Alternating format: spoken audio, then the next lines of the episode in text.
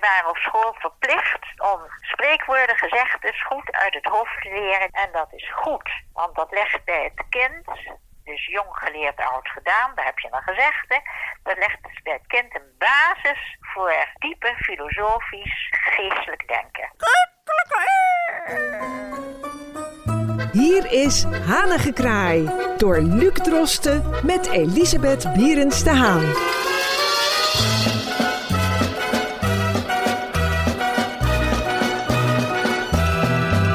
Welkom bij Hanige Kraai, een wekelijkse rubriek waarin Elisabeth Bierens de Haan uh, nog steeds, want dat doen we ondertussen al meer dan 30 afleveringen en meer dan 30 weken, eigenlijk al sinds eind van vorige zomer, een, uh, ja, met een onderwerp komt waarmee de luisteraar wellicht verrijkt kan worden. Vorige week hebben we het gehad over uh, de opvoeding van de huidige jeugd. En vandaag sluiten wij daar indirect enigszins op aan. Want we gaan het in de komende paar afleveringen hebben over talige verschijnsels. En dan kun je denken aan spreekwoorden die in onbruik zijn geraakt. Of misschien door heel veel mensen niet meer uh, gebruikt worden. Uh, maar ook buitenlandse woorden, zoals uh, Franse woorden. Frans is, wat heel veel mensen niet weten, de taal die de meeste leenwoorden aan het Nederlands heeft geleverd.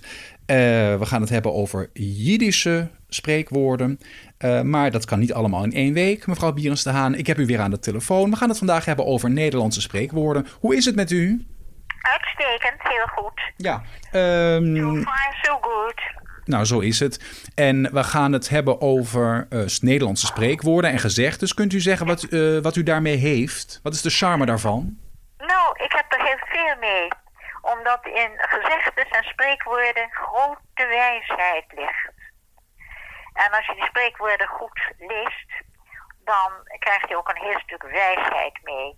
Dus wij waren op school verplicht om spreekwoorden, gezegdes goed uit het hoofd te leren. Die werden ook overhoord. En dat is goed, want dat legt bij het kind, dus jong geleerd, oud gedaan, daar heb je een gezegde.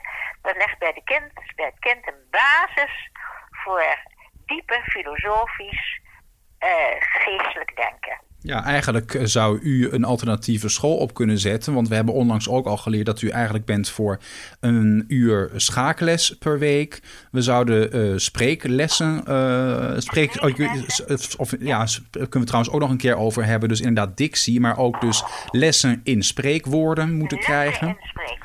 En uh, ja, ik wil u eigenlijk gewoon het woord geven. Wat is, uh, we zouden het kunnen noemen, want hoeveel spreekwoorden gaat u behandelen vandaag met ons? Nou, ik ga er zeven behandelen. Dan gaan wij dus dit noemen de top 7 van de Nederlandse spreekwoorden ja, en gezegdes. de top 7, wat een goed idee van je. En uh, moeten we die ook in een bepaalde volgorde doen? Of zijn nee, ze. helemaal niet. Nee, nou, door elkaar. We gaan naar het eerste spreekwoord. Wie een kuil graaft voor een ander, valt er zelf in.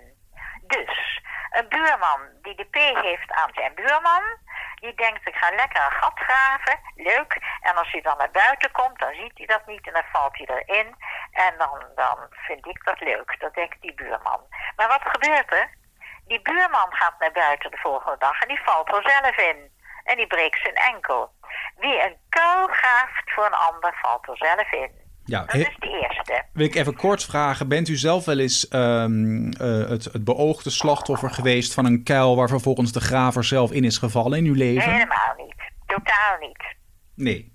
Nou ik ja, dat had gekund. gevallen en uh, ik heb altijd nooit schadefreude, noem je dat. Er zijn mensen die hebben plezier als jou iets naars overkomt. Dus ik kom buiten en ik kom bij mijn scootertje, die heeft een hoes.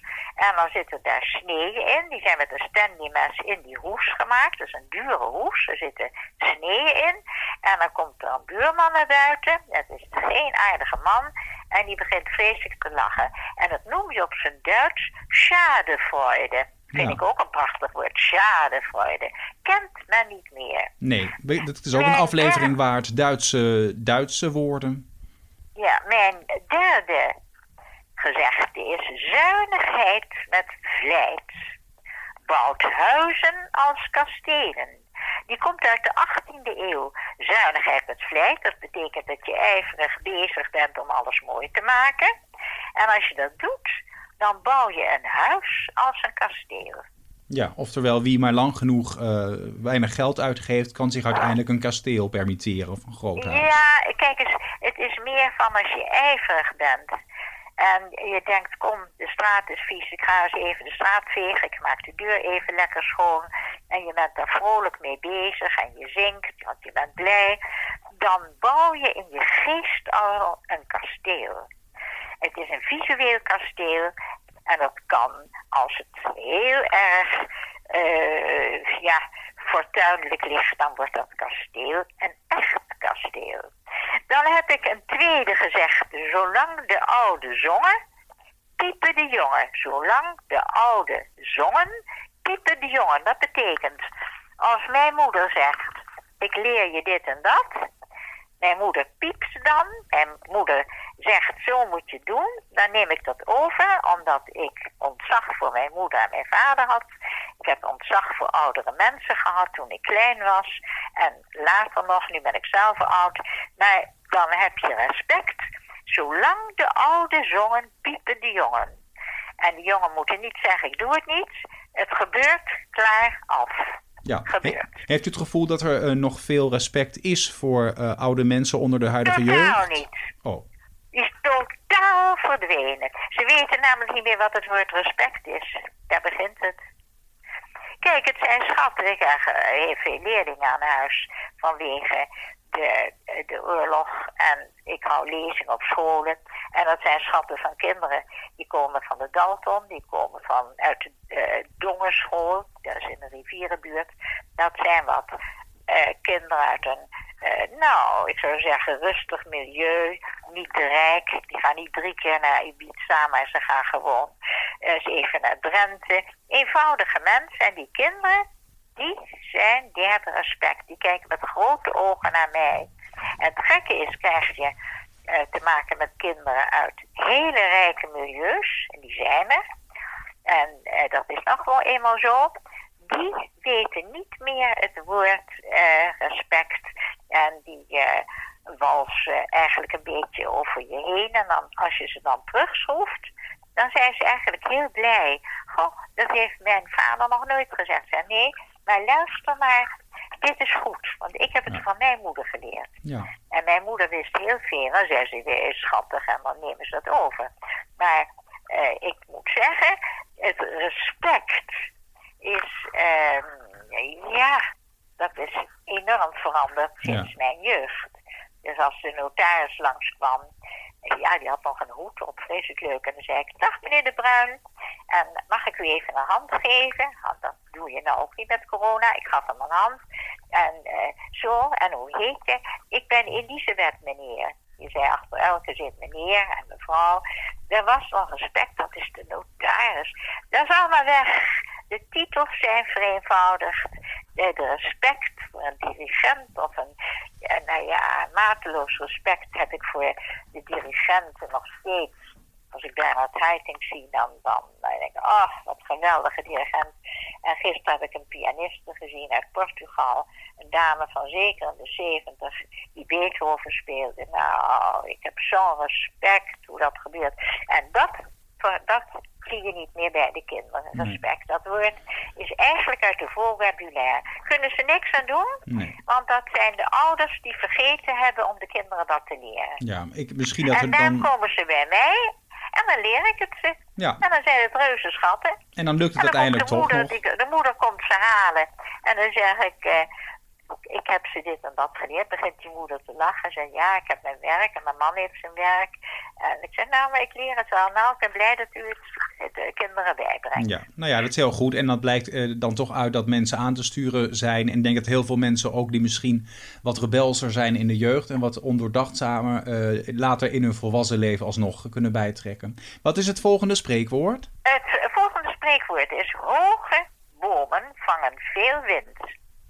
Kijk, als ik uh, mijn nieuwe boekje presenteer en ik kom in zes kranten, is geen opschepperij, dat is gewoon gebeurd, dan kunnen mensen zeggen, nou, nou, hoge bomen vangen veel wind. Dan ben ik op dat moment een hoge boom en vang veel wind, want ik sta in de publieke belangstelling. Ja. Daar zijn mensen die in de publieke belangstelling staan, die kunnen ijdel zijn. Dat ben ik dus helemaal niet. En als mensen dat zouden denken, hoge bomen vangen veel wind. Ja, dat is ook zo. Ik steek opeens mijn nek uit, maar de wind gaat ook weer liggen. Dus eventjes na een paar dagen is het blad stil. En dan is mevrouw Haan weer rustig aan het bureau aan het schrijven. En dan is de hoge boom weer een lage boom.